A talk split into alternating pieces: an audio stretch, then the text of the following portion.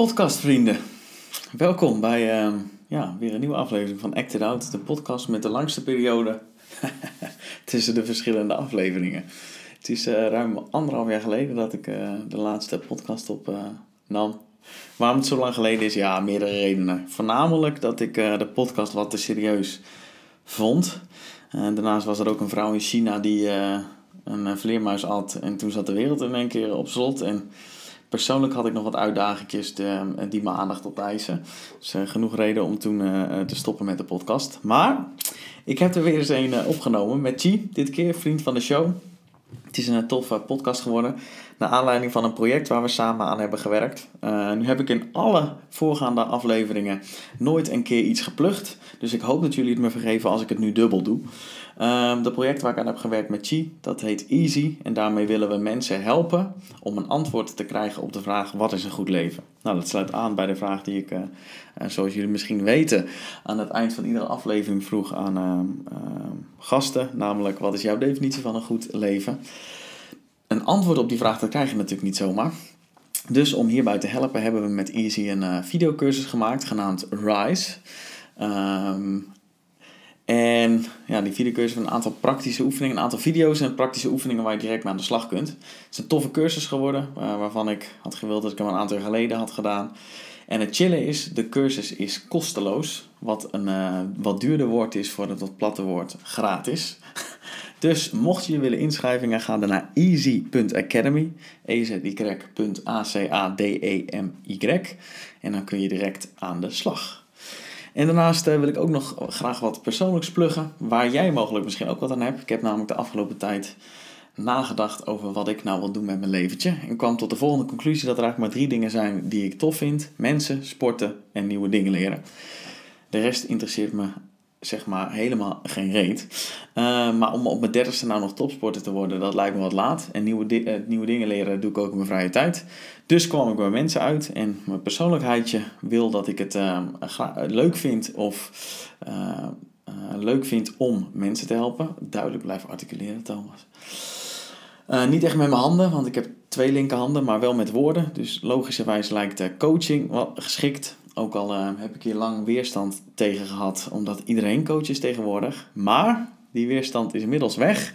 Dus deed ik bij Chivo een opleiding tot coach en ben ik op dit moment aan het onderzoeken of en op welke manier ik dan uh, uh, als coach aan de slag zou willen. En daarvoor zoek ik vijf mensen die samen met mij een traject willen doen. Nou, plat gezegd is de transactie normaal mijn tijd tegenover een financiële vergoeding vanaf jouw kant. Nu dat het anders. Nu is het mijn tijd en commitment in ruil voor jouw tijd en commitment. Uh, wat voor type uh, mens zoek ik? Nou, het is niet het type mens, maar met welke uh, uitdagingen. Um, dat zijn er twee. Of het kan zo zijn dat je um, op dit moment in principe alles goed gaat in je leven. Maar je nog steeds een soort van leegte ervaart en jezelf afvraagt is dit het nou? Uh, maar het kan ook zijn dat je iets belangrijks wil veranderen in je leven, maar dit steeds maar niet lukt. Anders gezegd, of je mist een soort van stip op de horizon uh, in je leven, of het lukt je niet om die stip te bereiken.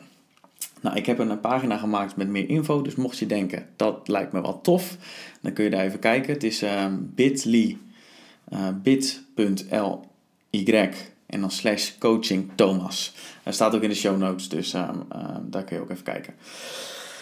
Ja, ga ik vaker podcasten? Ik heb geen idee, misschien. Uh, ik ben nog steeds wel veel te nieuwsgierig uh, en ik wil graag dingen leren. Um, en ja, heel eerlijk, ik hoor mezelf toch ook uh, nog steeds graag praten. Dus wie weet. over de podcast van vandaag. Chi en, ik, Chi en ik praten kort over de cursus die we gemaakt hebben. Daarna bespreken we toffe onderwerpen zoals de zin van het leven, hoe je het leven zin geeft en waarom focus op eigenwaarde nergens op slaat. en nog veel meer natuurlijk. Voor nu veel luisterplezier en misschien wel voor het eerst weer, misschien voor het laatst. Ik waardeer jullie nog steeds. Doei! Zo, Chi. Tijd geleden dat we samen gepodcast hebben. Zeker, ja. Volgens mij uh, bijna twee jaar geleden of bijna zo. twee jaar geleden, ja. Het is nog steeds mijn uh, favoriete podcast. Uh, natuurlijk omdat ik met jou aan het praten was, maar ook omdat ik heel veel antwoorden kreeg op vragen uh, waar ik tot nog toe uh, nooit antwoord op uh, gehad had. Ik, ehm, ehm, ja, ik had willen dat ik, die, dat ik die antwoorden eerder had gehad. We hebben vervolgens contact gehouden en zijn nou, ruim een jaar geleden een samenwerking gestart. ons doel was om 2020 een groot evenement te organiseren. Dat is ehm, door omstandigheden die iedereen wel bekend zijn, niet helemaal gelukt. Dat evenement dat komt er nog aan. Uh, alleen hebben wij in de tussentijd hard gewerkt aan een cursus. Um, en daarover en nog een aantal andere dingen willen we het vandaag uh, in deze podcast over hebben. Uh, de naam uh, van de cursus en van het overkoepelende project heet Easy. Nou, jij, was, jij had die naam al voordat we begonnen, dus ik ben allereerst nieuwsgierig. Waar staat de naam Easy voor? En wat is het grote doel van Easy? Ja, EASY is een afkorting, staat voor Empowering Generation Z en Y, generatie Z en Y. Nou, de Y-generatie kennen de meeste mensen als de millennials. En uh, de Z wordt ook wel um, Zoomer genoemd. En dat zit hem eigenlijk in het jaar of het tijdvak waarin je geboren bent. Dus millennial feitelijk van 1980 tot 1996. En eh, de Zoomers vanaf 1996 ehm, tot, uh, tot nu. Dus dat zijn eigenlijk de, de generaties. En die volgen elkaar wel op. Maar dan zit er ook nog een generatie eh, tussen, de zogenaamde Zillennials. En die, ja, die hebben zeg maar dezelfde, die, die hangen qua waarde er net tussen.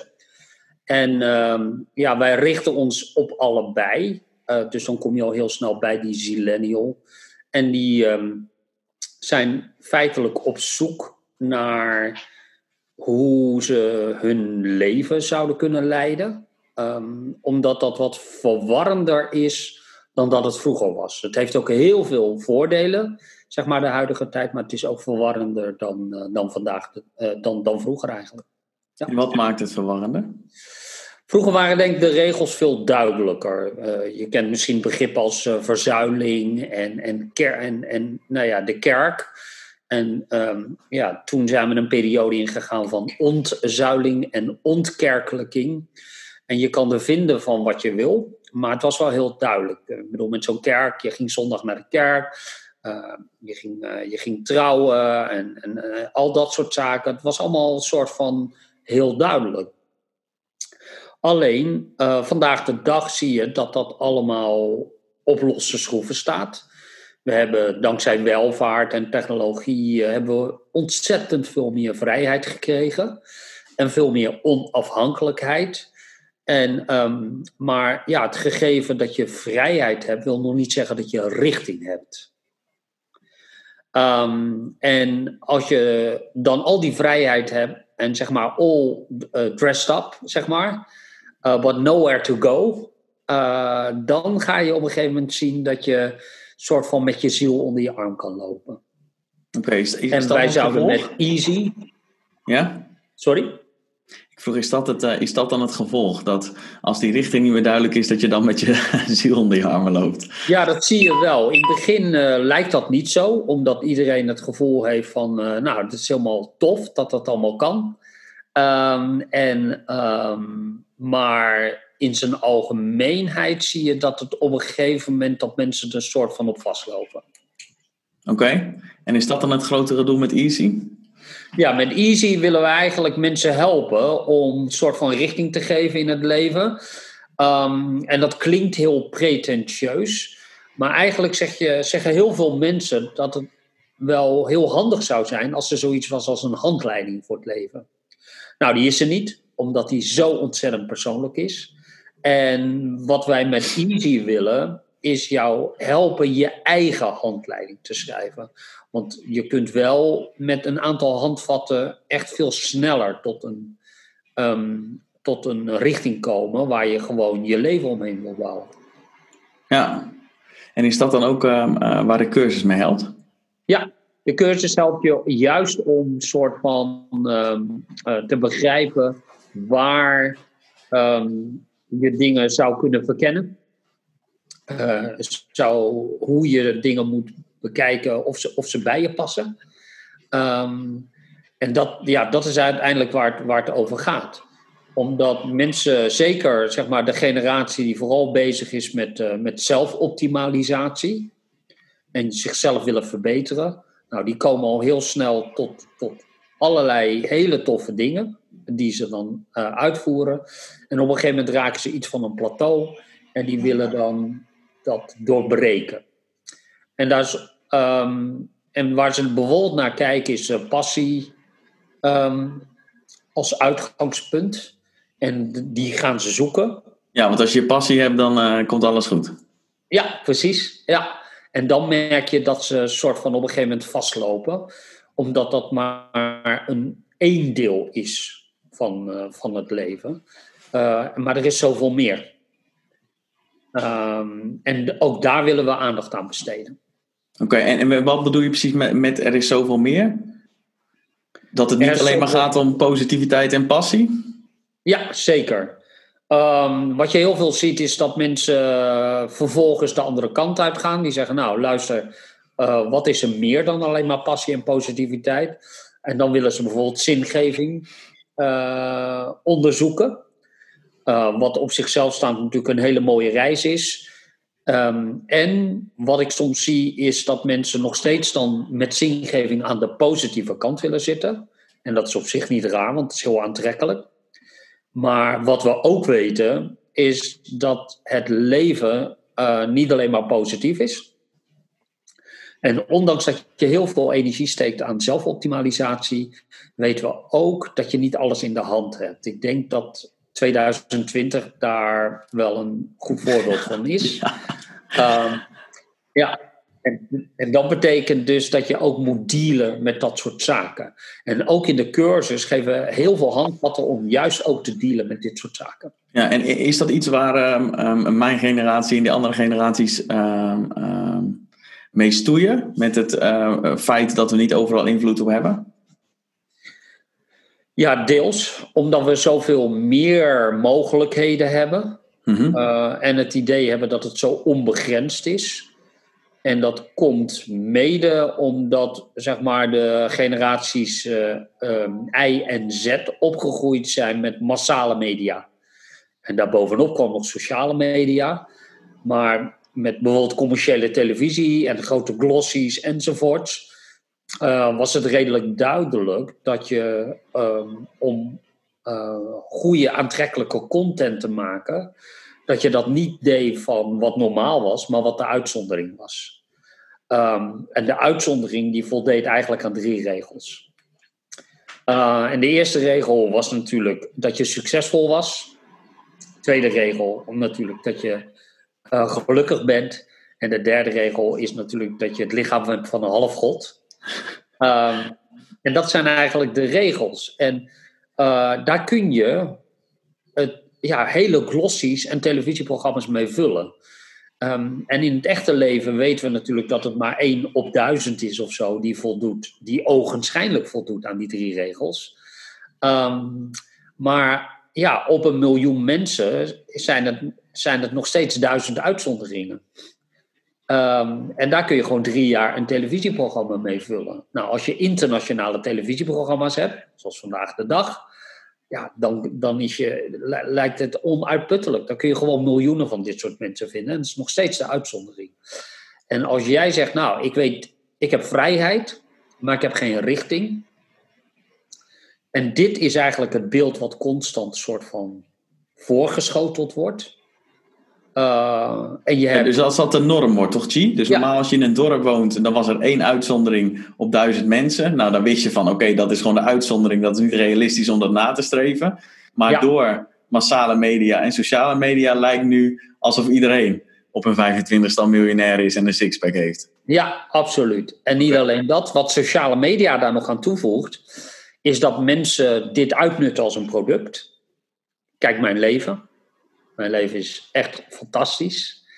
En dat je dus ook, uh, als je daar naar streeft of daar interesse in hebt, ook contact kunt zoeken met die mensen.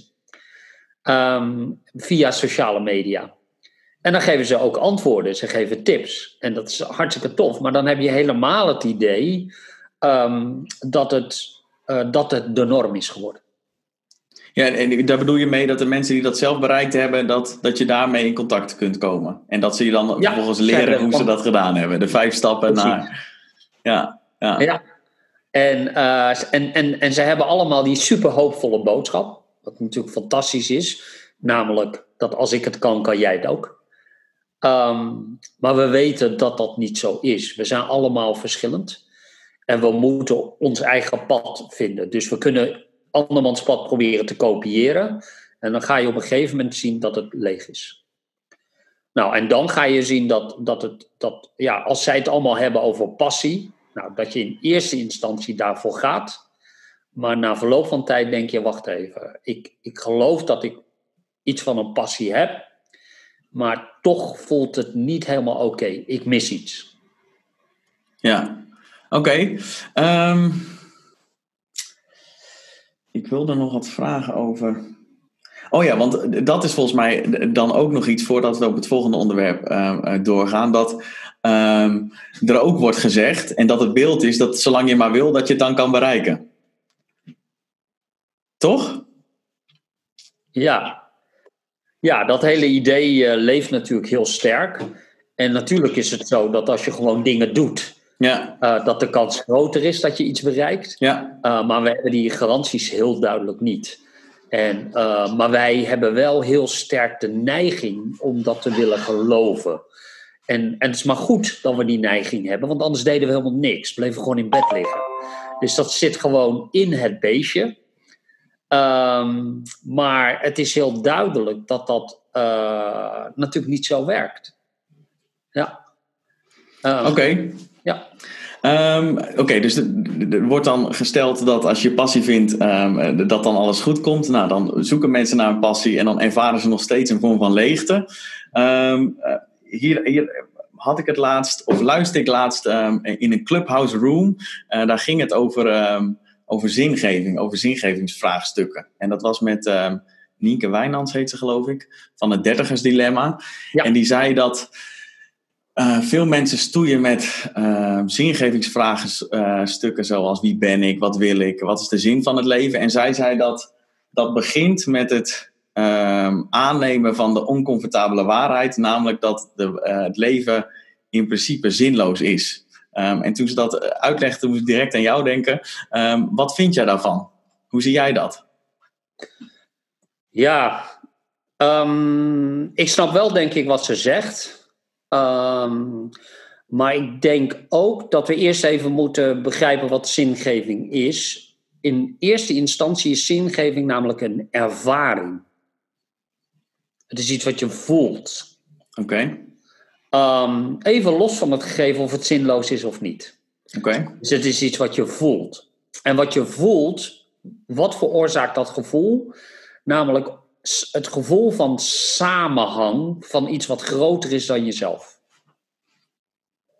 Okay. Dat, is zin, dat is de ervaring van zingeving. Oké. Okay. Even los van hoe je het bereikt. Oké. Okay.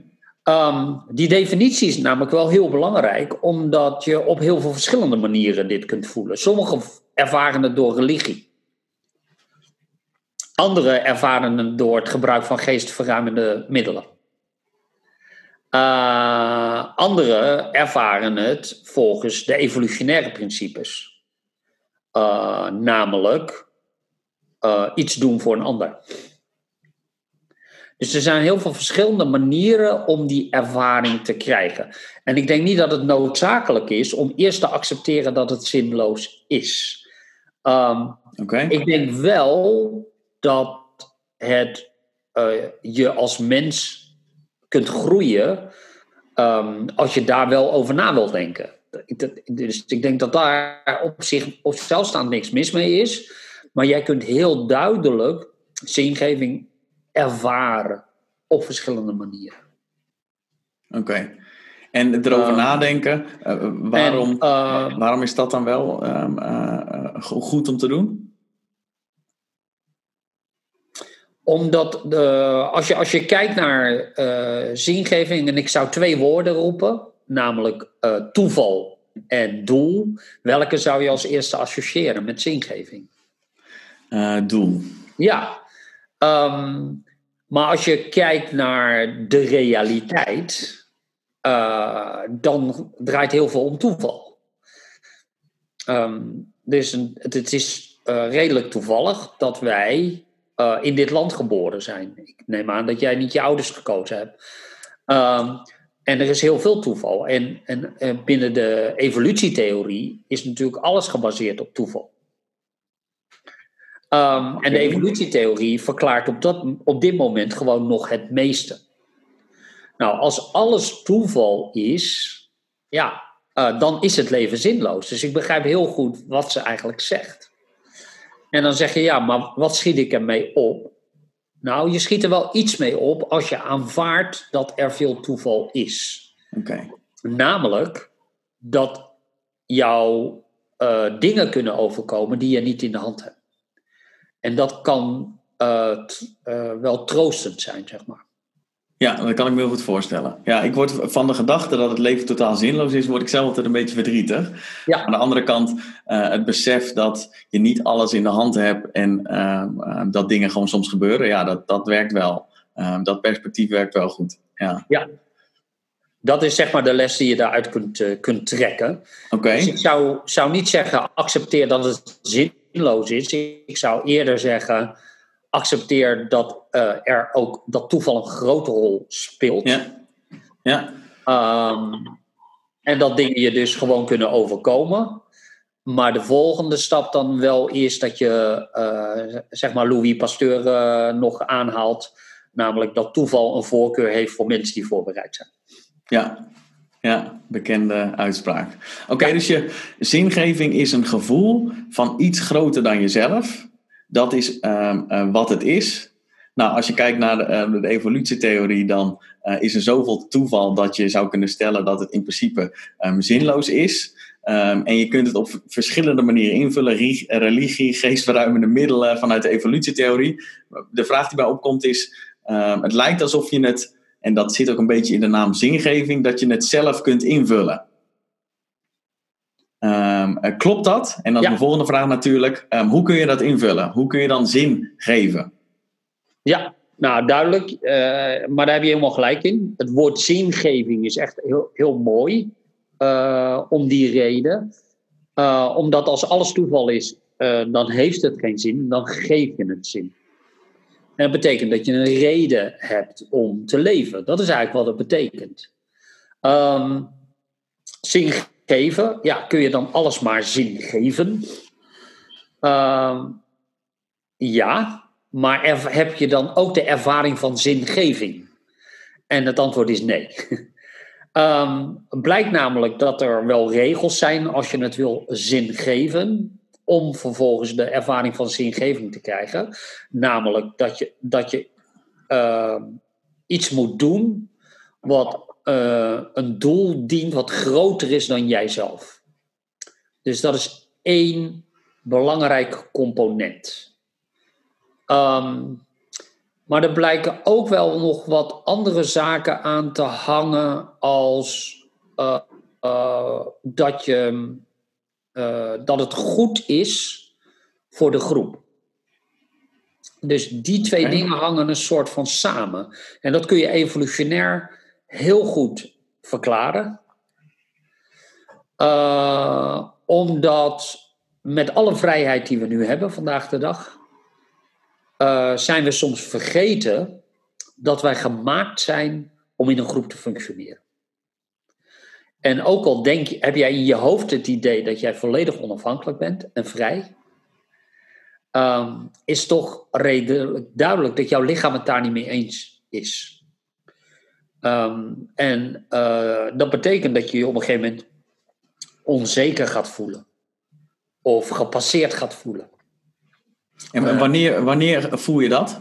Wanneer voel je je onzeker en wanneer voel je je um, gepasseerd? Op het moment dat je, omdat we denken dat we on onafhankelijk zijn, dat we niet meer onderdeel zijn van een groep. En dat dat intellectueel gezien uh, klopt. Alleen onze lichaam, door al onze jaren dat we in groepen leefden, zegt iets anders. Of zie, ja. zie ik dat verkeerd? Nee, dat is, uh, dat is precies de juiste samenvatting van, uh, van, van het verhaal. Um, evolutionair gezien kun je dat best goed verklaren. Um, want eh, vroeger was het heel duidelijk zo dat als je in je eentje leefde, geïsoleerd, dan was je gewoon ten dode opgeschreven. Daar is eigenlijk geen enkele discussie over. Ehm, maar dus wil je aansluiten bij een groep. En dan zeg je, ja, maar ik kan toch prima in mijn eentje uh, jagen en al dat soort dingen. Ja, maar jij kan niet 24 uur per dag wakker blijven. Als er gevaar is. Ja? Uh, en als jij toevallig niet goed bent in jagen, heb je, een, heb je nog een aantal extra issues. Dus binnen een groep leven lost heel veel van dit soort problemen op. Um, dus het is veiliger om in een groep te leven. En ons lichaam, wij zijn constant aan het scannen op veiligheid. En als jouw lichaam denkt, eh, eh, ervaart dat het niet veilig is, dan, dan bekruip je dat gevoel. Nou, de volgende stap is natuurlijk dat je in de groep moet blijven. Okay. Want je kan een groep uitgezet worden. -hmm. En je kunt pas in de groep blijven als jij um, als je min of meer goed functioneert binnen de groep. Dus dat is eigenlijk de tweede regel. Regel 1 is in de groep. Tweede is goed functioneren in de groep. Oké. En de derde regel is natuurlijk uiteindelijk dat als jij um, uiteindelijk het zo veilig waant in de groep dat je jezelf mag zijn, dan pas ervaar jij autonomie en vrijheid. Oké. Okay. En hoe verhouden die zich dan, ik hoor je zeggen autonomie en vrijheid. Ja. Um, hoe verhouden die zich tot zingeving? Nou, wat blijkt is dat zingeving soort van samenvalt met goed functioneren binnen de groep. Dus als jij een doel dient wat groter is dan jezelf, dan dien je feitelijk een doel van de groep. Oké. Okay. Ja? Op het moment dat je dat doet, je helpt je oma of uh, je, je doet iets anders voor de groep, uh, dan ga je al heel snel zingeving ervaren. Er is best een hele hoop onderzoek naar gedaan. Dus je kunt zingeving zien als iets heel groots. Uh, grote maatschappelijke veranderingen die je door moet voeren. Of het idee dat, uh, dat je in alles in de kosmos met elkaar verbonden is. Dat is natuurlijk ook een vorm van samenhang vinden. In beide gevallen kun je zingeving ervaren. Maar als je dan daadwerkelijk kijkt naar wat de oorsprong uiteindelijk moet, gewe geweest moet zijn van zingeving, dan is het uiteindelijk goed functioneren groep. Ja. Ja. ja, dat is iets wat ik me toen ook bedacht eh, toen ik in die clubhouse room zat. Toen we het hadden over zingevingsvragen. Toen dacht ik ook, ja, stel nou dat een van mijn familieleden in het ziekenhuis terechtkomt en die moeten verzorgd worden dan heb ik geen enkel probleem met zingevingsvraagstukken, want dan doe ik dat gewoon. Dat is dus hier een uiting van. Ja. Ja. Hier dus een doel groter dan jijzelf. En is dat iets, want je had het net over religie, geestverruimende middelen of vanuit een evolutionair perspectief. Hebben die dat allemaal gemeen? Namelijk een uh, um, goed functioneren binnen de groep. Is dat een kenmerk van al die um, um, vormen van zingeving ervaren of oorzaken van zingeving ervaren? Nou, wat daar aan ten grondslag ligt in zingeving is verbondenheid en okay, okay, okay. Ja, ja dat hebben ze met elkaar gemeen. Oké. Maar als jij zeg maar vooral zin, als jij alleen maar zingeving kunt ervaren op basis van geestverruimende middelen, dan denk ik dat je op een gegeven moment ook tegen problemen aanloopt. Daar is te weinig onderzoek naar gedaan om daar een hele harde uitspraak over te doen. Ja. Um, maar, het is, het is, uh, maar dat is op zichzelf staand wel logisch. Aan de andere kant denk ik dat je met geestverruimende middelen de ervaring wel veel intenser kunt beleven. Ja.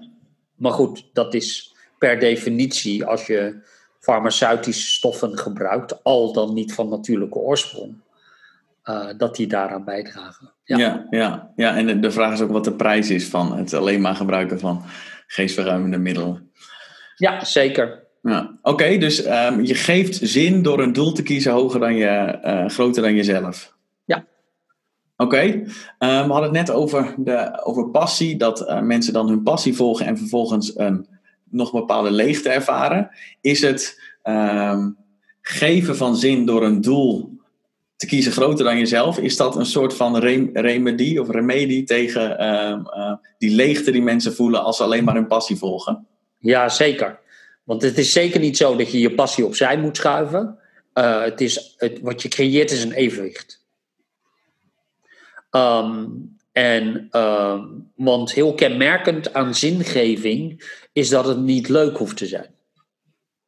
En dan zeg je, ja, maar ik, ik, ik vind uh, dat wel leuk. Dan snap ik, maar dan hoef je het geen zin te geven. Kijk, je gaat geen dingen doen die je niet leuk vindt, tenzij jij er een reden voor hebt.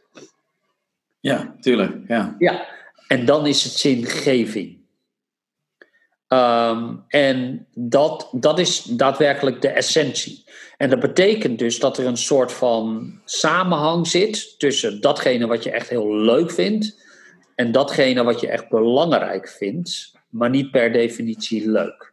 En op het moment dat je daar balans in kunt vinden, heb je een veel rijker leven. Ja, Oké, dus het is de balans tussen die twee. En dan de dingen die je belangrijk vindt, die worden belangrijk doordat je dan een, een doel kiest groter dan je, buiten dan jezelf. Dus door bijvoorbeeld dingen voor anderen te doen. Ja, zeker. Oké. Ja, en dat lijkt toch, ehm, ja, dat onderdeel, zonder dat je daar bewust mee bezig bent, uh, is heel duidelijk gecorreleerd met uh, langere levensverwachting, beter welbevinden over een hele langere periode. Dus het, sorry, het, het zingeven. Ja, um, zeker. Oké, oké. Ehm, ik zit na te denken of ik hier nog iets over wil vragen. Nee, het is voor mij wel, uh, wel duidelijk. Heb jij nog toevoegingen aan het zingevingsvraagstuk, Chi? Nee, wat, wat je eventueel zou kunnen uh, bedenken is uh, als je de vorige podcast nog een beetje scherp op je netvlies hebt, dat is natuurlijk al een tijdje geleden, is dat wij het gehad hebben over de zelfdeterminatietheorie. Ja. En daar zie je precies de driezelfde uh, zaken terugkomen: behoren tot een groep, goed functioneren binnen een groep um, en, en autonomie. Um, maar het super interessante aan de zelfdeterminatietheorie is dat ze helemaal geen hiërarchie maken tussen die drie. Uh, ja, dus, dus er is autonomie, autonomie binding en competentie. Ja. Toch? Dus binding is um, um, connectie hebben met andere mensen. Autonomie is het idee hebben dat je zelf de regie hebt over het leven en competenties ergens goed in zijn, toch? Meesterschap. Ja, zeker. Oké, die drie. En jij zegt dat de zelfdeterminatietheorie niet per se een hiërarchie maakt van welke van de drie belangrijker is of eerst komt. Nee, precies. En die basisbehoeften, want dat is eigenlijk feitelijk wat de zelfdeterminatietheorie zegt. Die basisbehoeften, uh, die hebben ze ontzettend goed onderzocht. Dit is gewoon ver uit de beste uh, onderzochte motivatietheorie uh, ever. Um, maar die past dus naadloos op, um, op de evolutietheorie. En binnen de evolutietheorie zeggen we, nou, dat wordt gewoon geaccepteerd, maar er moet iets van een hiërarchie zijn. Uh, en die, zodra je die hiërarchie, uh, zeg maar, uh, hebt gemaakt en aanvaardt, kom je erachter dat het, dan vallen zoveel dingen op. Ja, ja. En als het gaat om het handleiding, van, handleiding voor het leven, um, dan is dat ook de uitga het uitgangspunt voor het maken van die handleiding. Um, ja. Dus dat we niet, um, ook kijk naar mezelf, dat we niet als een gek proberen om succesvol te worden of zoveel mogelijk geld te verdienen of er zo goed mogelijk uitzien. dat is helemaal niet waar het om draait, een goed leven. Nee, want dat, dat is zo interessant, is dat we het soms helemaal verkeerd interpreteren. Uh, dus als we die hiërarchie hanteren, eerst behoren tot een groep, dan goed functioneren binnen een groep en dan zo veilig voelen dat je jezelf mag zijn, dan zie je dus dat er een opbouw in zit. En die laatste is autonomie. En wat je bijna overal ziet, is dat mensen in één keer meteen doorschieten naar autonomie. Dus ze slaan alle stappen over. Um, en, uh, uh, maar dat als je dat fundament niet hebt, ja, dan is het gewoon een vlag op een modderschuit. En dit is precies het probleem van 50 jaar uh, bezig zijn en focussen op eigenwaarde. Oké. Uh, mensen gingen dan zichzelf waarde geven, want je bent immers een vrij en zelfstandig uh, wezen, onafhankelijk wezen. En je- mensen moeten mij maar accepteren zoals ik ben. Nou, dat is zo'n typisch mantra binnen zo'n eigenwaardebeweging. En we weten na 50 jaar dat dat niks heeft opgeleverd. Eh, jij kunt dit bij tegen jezelf blijven roepen. En dan kunnen, zijn er eigenlijk twee scenario's. Of je gelooft het zelf niet en blijf je met dat rotgevoel zitten. Of je hebt een plaat voor je kop. Eh, en dan bela- beland je dus voor een nationale talentenjacht, terwijl je eigenlijk niet kan zingen. Ja? Ja. Een van de twee. Ja? Oké. Ja, ja, ja. Dus dat zijn, dat zijn eigenlijk de twee opties. Nou, die, die eerste i- is natuurlijk het meest voorkomend. Ja, en waarom, wat ik me afvraag, Nancy, waarom krijg je dan dat rotgevoel? Wat maakt dan dat, dat je het zelf niet gelooft en het een rotgevoel oplevert? Omdat jouw lichaam constant aan het scannen is op veiligheid. Oké, oké. En dat kan op heel veel verschillende niveaus. En op het moment dat het niet veilig is, geeft hij je dat gevoel. En eh, niet in de goed in de groep liggen is potentieel eh, onveilig. Ja, want als je helemaal niet behoort tot een groep, dan ehm, ja, kun je ook niet goed functioneren binnen een groep en dan voel je je ook niet veilig. Oké, Precies. oké. En dan ervaar je in eerste instantie allerlei andere zaken, als eenzaamheid of weet je, dat soort zaken. Uh, en, uh, maar dat, dat heeft helemaal niks te maken met, uh, met dat je jezelf niet waardeert. Het heeft alles te maken met het gegeven dat jouw lichaam andere prioriteiten stelt. Ja? Oké, oké. Dus dat is dat, het toekennen van eigenwaarde, dat, dat kun je niet alleen, zeg maar. Dat kun je niet zelf. Van nou, ik um, zeg nu dat ik eigenwaarde heb. Dat hangt gewoon samen van of je überhaupt tot een groep behoort, ja of nee. Ja, zeker. Nou, we hebben natuurlijk wel in een hele, uh, zitten in een hele toffe tijd dat je je eigen groep kunt bepalen. Ja, dat, dat vroeg ik me af. Want ik kan me heel goed voorstellen dat een, een nadeel zou kunnen zijn dat als je niet, zoals vroeger, uh, als je behoorde tot een zeil of uh, een bepaalde religie, dat je weinig keus had in of die groep überhaupt wel bij je past, ja of nee. En ik kan me goed voorstellen, ik weet niet, het is ook direct een vraag, dat je nu veel meer mogelijkheden hebt om met verschillende soorten groepen in contact te komen. Dat je een groep kunt kiezen die misschien wel veel beter bij je past. Zeker, ja. Uh, dat is het, het enorme voordeel. Ja. Het enige is dat je moet, niet moet vergeten, is dat je moet werken voor zo'n groep. Uh, je, het, je moet investeren in zo'n groep. Uh, en, uh, en, en als je alleen maar uitgaat van autonomie, dan hop je van groep naar groep. En op een gegeven moment merk je ook dat dat niet werkt. Oké. Okay. Ja? Okay. En, en waarom niet? Omdat dan de band niet sterk genoeg is? Omdat je dan niet echt onderdeel bent van de groep? Precies. Oké, okay, ja. dus dan is die veiligheid er weer niet. Correct. Dan gaat je lichaam weer uh, reageren. Ja, zeker. Hmm. Ja, dus dat is denk ik een heel uh, fundamenteel uh, stuk als het gaat om, om begrijpen wat een goed leven is. Ja, ja. Ja, dat, ja. daar ben ik het mee eens. Oké. Okay. En dit is ook met, met deze onderdelen, dat zit allemaal in de cursus, G. Ja, wat wij doen is uh, met name, ik bedoel, de onderliggende theorie zijn we iets minder mee, mee bezig. Maar dat is juist zo leuk aan zo'n podcast, dat we daar ja. gewoon over kunnen hebben. En mensen die toch meer willen weten, die gaan toch naar zo'n podcast luisteren. Maar uh, daar zijn we veel praktischer bezig met hoe kun je nou zingeving ervaren. Ja, en daar zitten gewoon allerlei stappen in en dingen en die moet je. Maar er zit ook gewoon heel veel huiswerk in om, om daar zelf mee aan de slag te gaan, zodat je het kun, op maat kunt maken voor jezelf. Ja. Er is geen uh, uh, standaard aanpak voor iedereen. Maar dat is, dat is precies waar we vanaf willen. Ja, ja en dat, dat vind ik, um, ik. Ik heb de video's geëdit, dus ik heb alle opdrachten heb ik honderd uh, keer gezien. Dat is inderdaad ook wat ik sterk vind aan, aan de cursus, dat het super praktisch is. Dat is iets wat ik vaak zelf mis als ik dan uh, met dit soort dingen bezig ben. Dat het inderdaad theoretisch blijft, maar dat de, um, ja, hoe, hoe, ga je dat invulling geven, dat dat dan niet uh, besproken wordt. Maar dat, dat vind ik het sterke punt van, van de cursus, ja. Ja. Um, heb ik nog een laatste nou, die hoeft niet per se de laatste vraag te zijn, maar het laatste uh, thema. Het gaat nu vooral over, um, nou, het heeft een hoog ikke, ikke, ikke gehalte, van hoe kan ik zorgen voor een goed leven. Um, heel erg op jezelf gericht, ook de opdrachten en de cursussen zijn vooral voor jezelf. Hebben we ook nog een soort van grotere maatschappelijke verantwoordelijkheid voor het creëren van een goed of beter leven, volgens jou?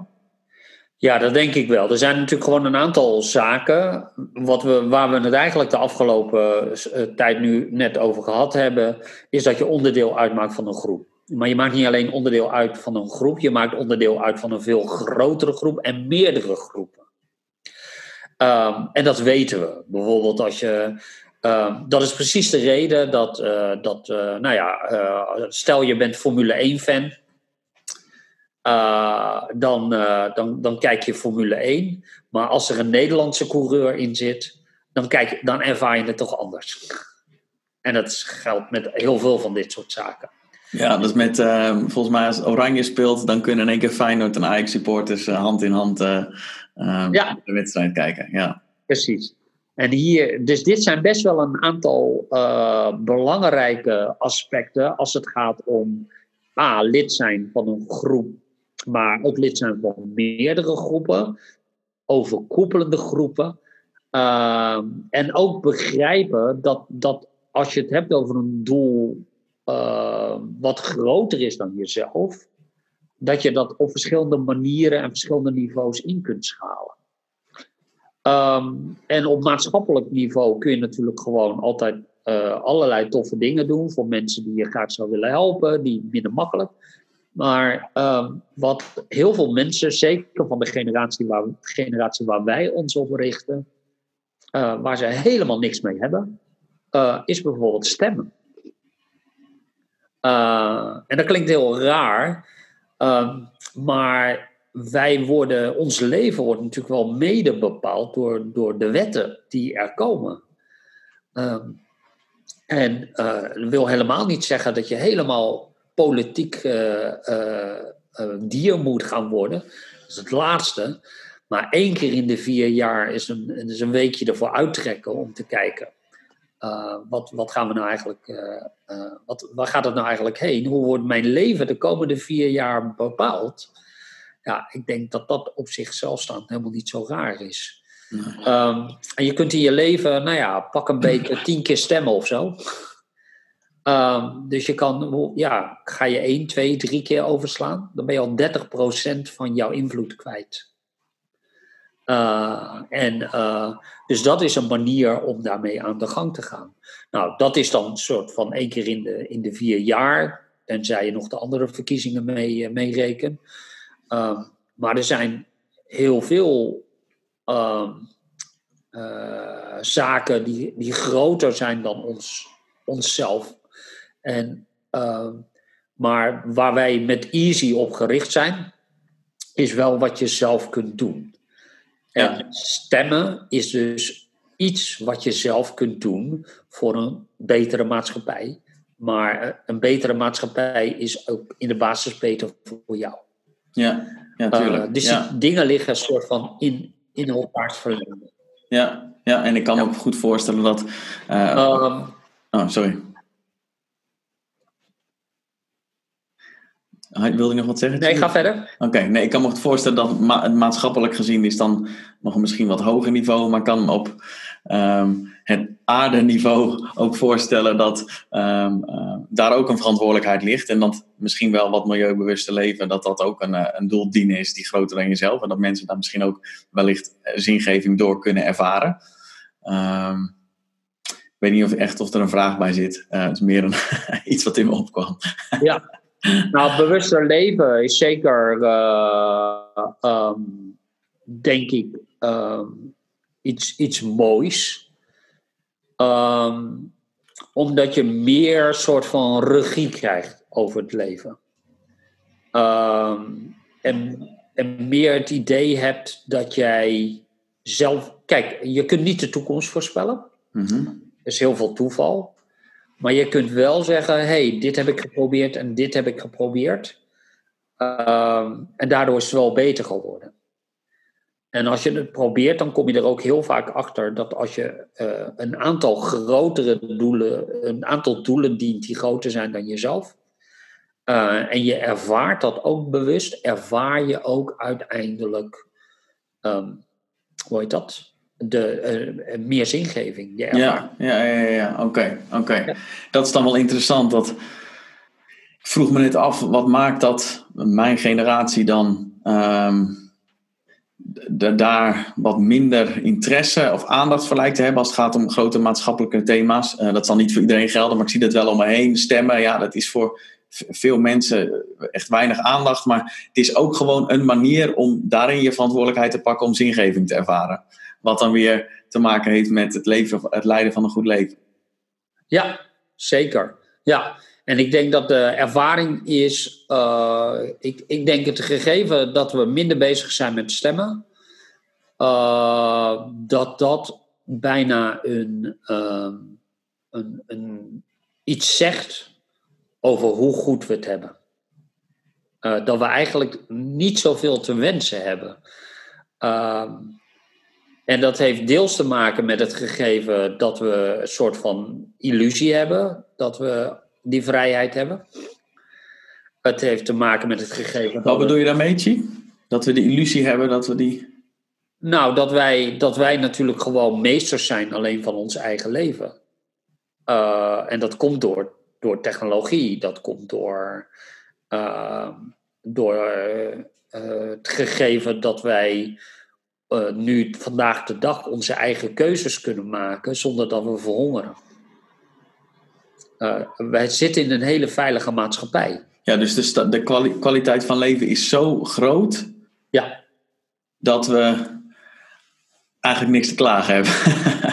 en daardoor nou, denken, als het zo blijft, is het prima. Ja, een deel van ons. En een ander deel, uh, uh, die heeft dat wel. Ik bedoel, niet iedereen heeft het even goed. Nee, nee. Uh, maar die gaan bijvoorbeeld, die reageren vooral uit boosheid. Uh, en dat snap ik ook nog. Dus dat, dat kan. Uh, mensen die dat niet hebben, G. Mensen die dat niet hebben? Of? Ja, mensen die dat niet hebben. Okay. Die dus niet die vrijheid uh, minder kansen hebben. Omdat ze laag geschoold zijn of, of, of vastzitten in een bepaalde situatie. Ja, die zouden ook met zingeving meer kunnen, uh, een constructiever leven kunnen leiden. En, en, een beter leven leiden, want daar komt het eigenlijk wel op neer.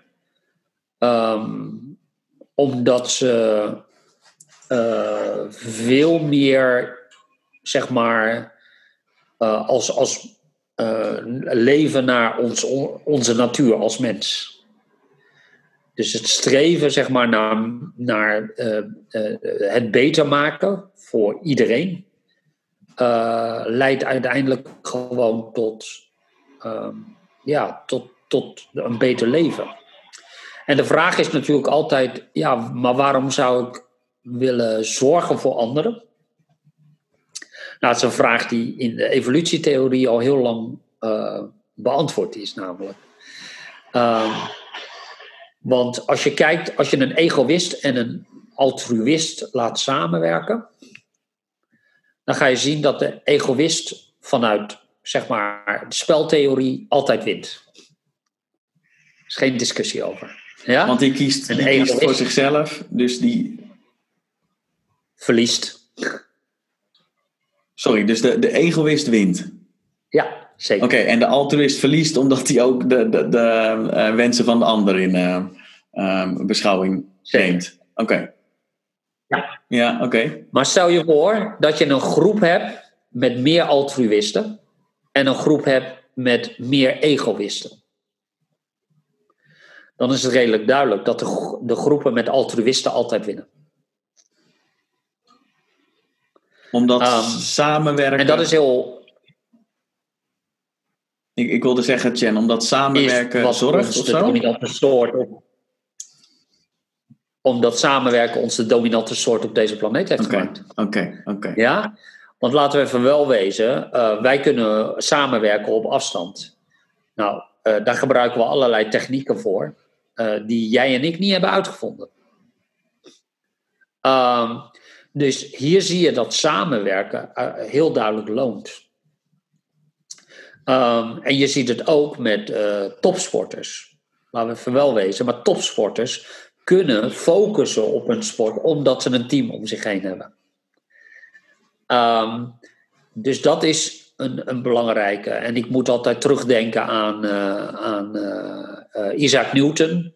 Nou ja, heel duidelijk een man met, met, met competenties.